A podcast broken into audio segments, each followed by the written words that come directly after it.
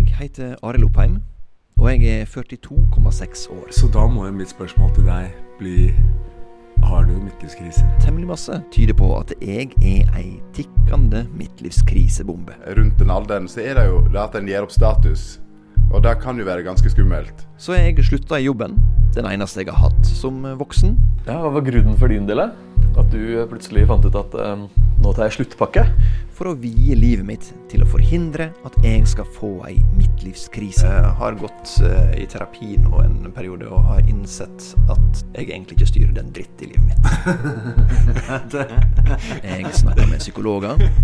Jeg snakker med folk som har vært gjennom det sjøl. Eh, Jeg var ganske sikker på at jeg ville gli forbi uten, uten problem. Men, eh, men det kom.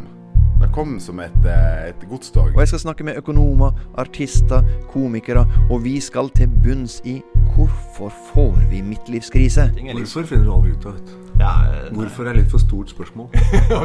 Ok, ikke hvorfor da, men uh, hvorleis? Hva er det som skjer med menn midt i livet, og hvorleis kan vi unngå den der klisjéfylte totalkollapsen kjent som midtlivskrisa? Midtlivsmannen livsmannen, en podkast om dårlige og mindre dårlige valg, omtrent midt i livet.